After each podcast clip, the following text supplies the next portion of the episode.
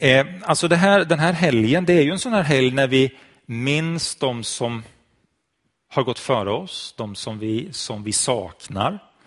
Eh, och det är också den här helgen när vi får eh, koppla upp oss igen mot den här, den här tron som vi har och det här hoppet som vi har. Att livet tar inte slut med det här jordelivet utan det finns någonting som kommer efter. Någonting som väntar oss. Det är vad den här helgen handlar om. Och Man kan ju säga så här att det här om att vi har ett evigt liv, det är någonting som har blivit kritiserat redan från början.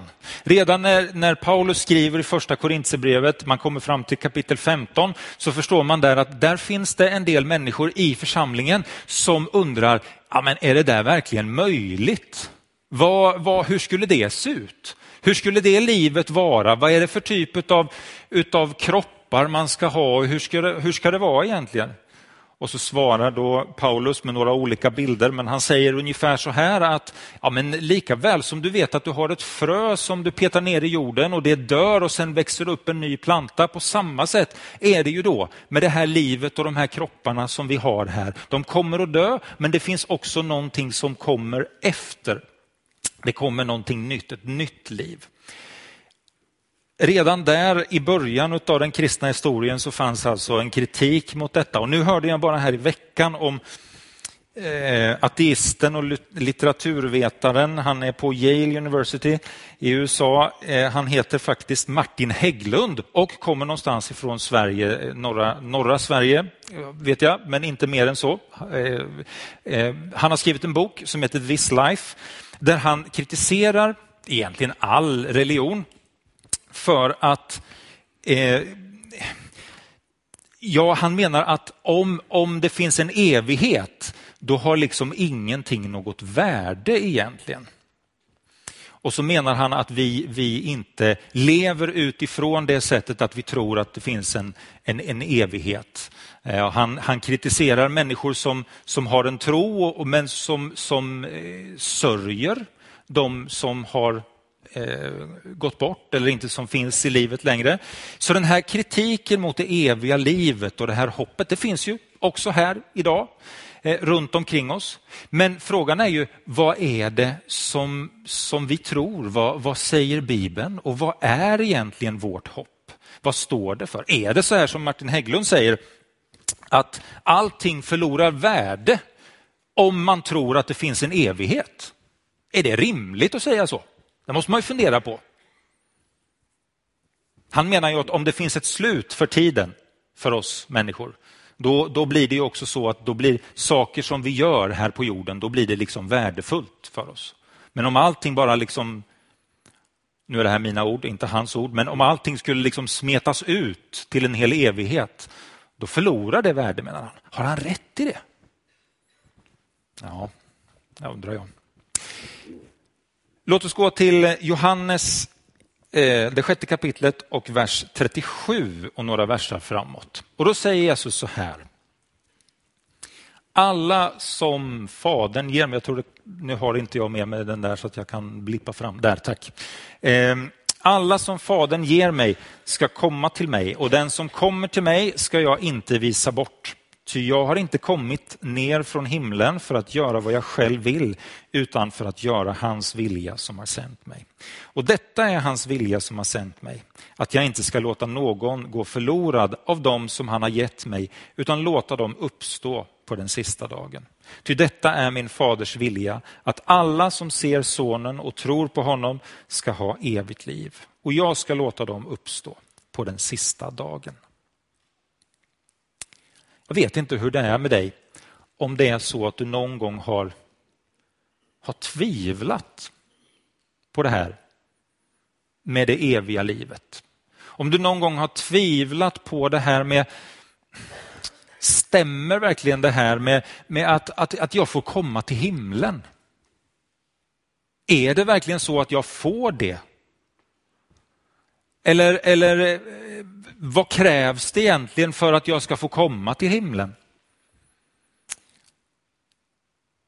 kommer ihåg ett samtal jag hade, det, var, det är några år sedan nu, med, med en kvinna som hade varit kristen nästan hela sitt liv. Och så stod hon på sina sista levnadsmånader, sista tid i livet och så kom tvivlet. Ja, men det kanske inte gäller för mig. Det kanske är så att det, det liksom inte riktigt, att jag inte räcker till. Det kanske är så att jag inte har tillräckligt med tro. Många gånger hör ju det där tvivlet om att vi ska få komma till evigheten och till Jesus där han är. Det hör ihop med de här två sakerna. Har jag levt mitt liv tillräckligt bra eller har jag tillräckligt stark tro? Många gånger hör det ihop med det. Och många gånger tänker kanske du och jag så här att nej, jag har nog inte levt tillräckligt bra eller jag, har jag tillräckligt stark tro? Då kan man gå till de här verserna kan ta nästa bild. Eh, då kan man gå till de här verserna och komma ihåg det som Jesus sa. Den som kommer till mig ska jag inte visa bort. Den som kommer till mig ska jag inte visa bort. Alltså Jesus säger ju inte, han sätter inte upp några parametrar och säger så här att ja, du som har haft tillräckligt stor tro, du får komma till mig. Eller du som har levt ditt liv på det här och det här sättet. Du får komma till mig. Nej, det säger han inte här utan han säger så här. Den som kommer till mig ska jag inte visa bort. Det är det som krävs, att du kommer till Jesus. Något mer krävs inte. Men du kommer till honom och då säger han, du, vet du, du är välkommen. Vad roligt att du är här. Jag älskar dig. Jag vill att du ska tillbringa evigheten med mig. Jag tror att eh, om man tvivlar så kan man göra två saker här. Jag skulle råda till två saker. För det första, lyssna till det vad Jesus säger. Den här lilla versen, kanske är det så att du ska stryka, ta fram din bibel, stryka under den i din bibel. Kanske är det så att du ska skriva den här bibeln och ha den inskriven i din mobil eller kanske ska du ha den i din handväska eller kanske ska du ha den i din plånbok eller i din ficka eller kanske ska du ha den på kylskåpet där hemma eller kanske ska du ha den på nattduksbordet eller var du nu har den någonstans och så ska du läsa de där orden och så ska du tänka, ja men Jesus har sagt det här och påminna dig om att det inte handlar om din egen rättfärdighet utan det handlar om det som Jesus har gjort. Och han säger att han kommer inte visa bort dig. Du behöver inte tvivla, du behöver inte vara orolig. Evigheten finns där för dig. Och sen den andra saken, prata och be med någon. Den här kvinnan som jag nämnde om förut. När hon fylldes av det här tvivlet, då kom hon till mig och hon kom till andra och så berättade hon det. Och så fick vi samtala om det och så fick vi be tillsammans. Jag tror att det är många gånger det vi behöver, att få lätta våra hjärtan. Lätta våra hjärtan om att tvivlet kanske finns där. Få höra någon säga, ja men du, kommer du inte ihåg vad Jesus har sagt? Och om du då känner så här att oj, tänk om någon skulle komma till mig och fråga så, eller tänka så. Vad säger jag då? Ja, då kan du ta den där versen. Den som kommer till mig ska jag inte visa bort. Då kan du visa på den och säga, kom ihåg det här. Jag tror att det betyder så otroligt mycket att vi får prata om, om man har ett tvivel och få säga det. Och också få höra att någon liksom svarar och, och säger, ja men du, vi ber tillsammans. Jesus älskar dig. För du ska inte behöva tvivla på att du får komma till honom. Och Nu kan det ju vara så här att att komma till Jesus, du kanske sitter här och funderar på vad betyder det egentligen? Att komma till Jesus. Hur gör man det? Alltså Jesus eh, finns ju inte här, jag kan inte komma till honom, jag kan inte åka till honom. Hur gör jag då? Ja, alltså att ha kontakt med Jesus det är ju egentligen att ha, som att ha kontakt med en vän. Man, man kan prata med honom och det är det vi, kallar för bön egentligen. Vi pratar med Jesus och då kan man prata med Jesus precis med de orden och med det, med det språket och på det sättet som man själv uttrycker sig. Man behöver inte göra på något speciellt sätt, man behöver inte ha de rätta bönerna, man behöver inte ha de rätta orden Ibland tror vi nästan att det är så va? när vi ska be, att vi ska ha en, en, en bön som är rätt. Och sen när vi har lyckats be den bönen rätt, då svarar Gud. Men så är det ju inte. Gud är inte intresserad av speciella formler, utan han är intresserad av ditt liv, av ditt, ditt hjärta, av dina tankar. Och du vet, en del tänker väldigt så här, logiskt och rakt så här. Och en del de hoppar i tanken så här. Vet du. Och det spelar ingen roll om du, om du har logik i allt du gör eller om det bara hoppar omkring som popcorn. Det gör ingenting. Gud fixar det. Han kan, han, han förstår. Liksom. Men hur ska man göra om man vill komma till Jesus? Hur ska man göra? Ja, jag har en, en enkel bön här som eh, skulle kunna, som man kan be. Vi kan ta den. En väldigt enkel bön som du kan be om du aldrig har, har liksom tagit steget mot Jesus. Då kan du be så här. Jesus, jag känner inte dig ännu, men jag vill komma till dig. Jag vill tro på dig och följa dig. Du vet hur mitt liv har varit. Förlåt mig för det som jag har gjort fel. Tack för att jag får komma till dig och att du tar emot mig. Tack för att jag får vara ditt barn. Du vet att mer än så behöver det inte vara för att du ska ta ett steg mot Jesus och veta att han har hört och han har lyssnat och han har mött dig i det. Och då kommer du ihåg det som Jesus sa där i det där bibelordet. Den som kommer till mig ska jag inte visa bort. Det är det första steget. Ungefär så där kan du be. Sen kan man fråga sig, vad är det egentligen för, för typ av evigt liv som, som väntar oss? Ja, då säger Jesus så här. Detta är min faders vilja, att alla som ser sonen och tror på honom ska ha evigt liv och jag ska låta dem uppstå på den sista dagen. Jag ska låta dem uppstå på den sista dagen. Alltså jag vet inte riktigt hur du föreställer dig det eviga livet. Det finns ju många bilder man kan ha. Eh, vi tänker nog eh, rätt så mycket änglar, tänker jag. Tänker du änglar när du tänker himlen? Eh, ja, jag vet inte, hur föreställer du dig himlen? Liksom? Alltså alla, vi, vi föreställer oss nog himlen allihopa lite olika.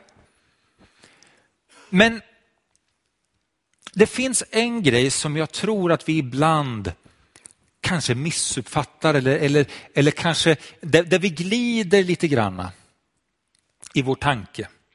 Vad betyder det här om att vi ska uppstå? Ibland, ibland hör jag eh, människor som säger ungefär så här när någon, när någon har, har dött. Så säger man ungefär så här. Eh, ja, nu har Gud fått en ny ängel i sin himmel. Och jag, jag förstår nog ungefär vad man menar med det. Nu har himlen fått en ny ängel. Men du, det är inte det som är vårt hopp. Det är inte det som är vårt hopp. Det är inte det som, som den kristna tron säger. Att vi ska utvecklas till att bli änglar.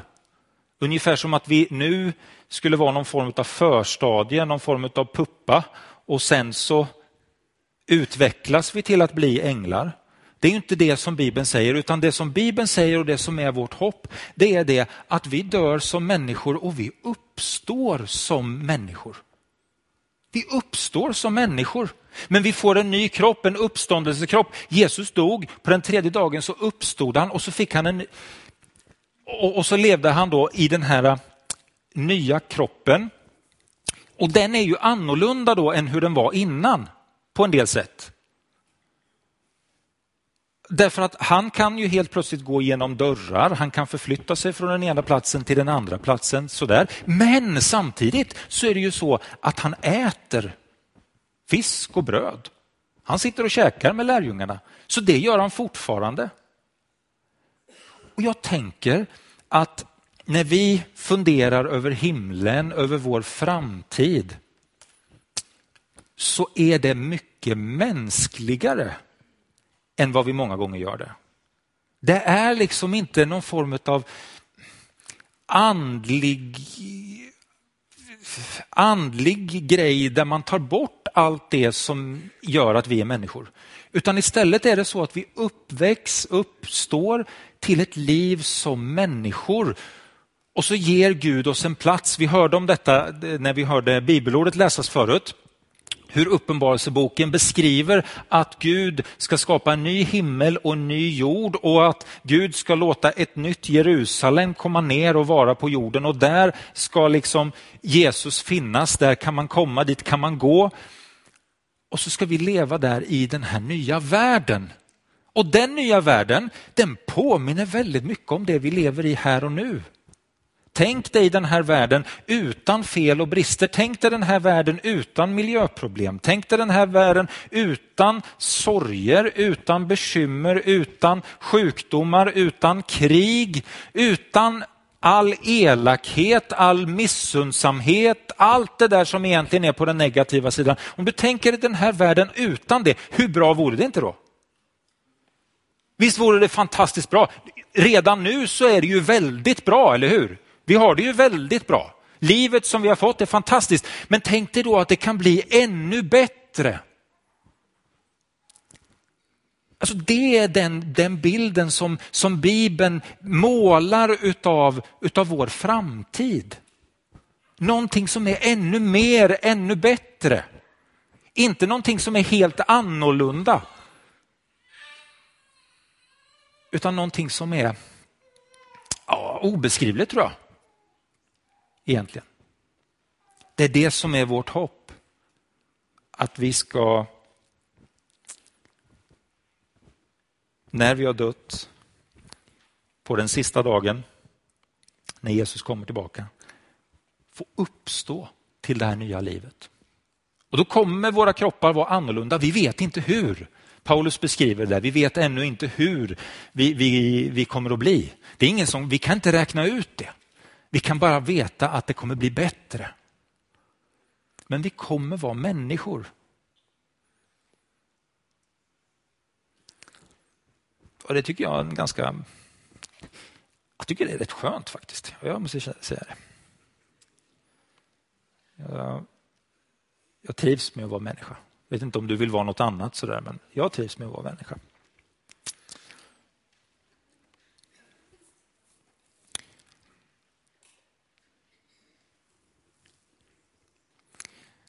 Eh,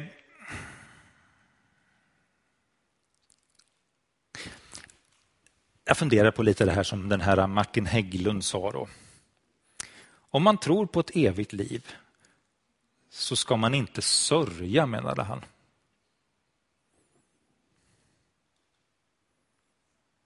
Är det så som han säger att allt egentligen förlorar sitt värde om vi har obegränsat med tid? Men det är klart att vi sörjer även om vi har ett evighetsperspektiv. Jag menar, vi sörjer ju därför att vi saknar någon som har stått oss nära. Någonting som har funnits i vårt liv har ju gått förlorat. Och då längtar ju vi efter det. Och då sörjer ju vi det. Och samtidigt är det ju också så här med döden att vi vet starkt och intensivt så vet vi att döden är någonting som inte är, det, det är inte så det ska vara. Det var inte så från början och det finns i oss att det där är någonting som liksom går emot Guds grundidé och grundtanke. Döden är inte naturlig. Döden är ett hot. Det kommer från det onda. Det, det, är inte så det borde vara. Och det är klart, därför så sörjer vi ju. Och det är klart att därför får vi ju sörja. För det borde inte vara på det där sättet. Jag tycker att man måste kunna Jag tycker att den kristna tron säger att man kan sörja och att man får känna saknad.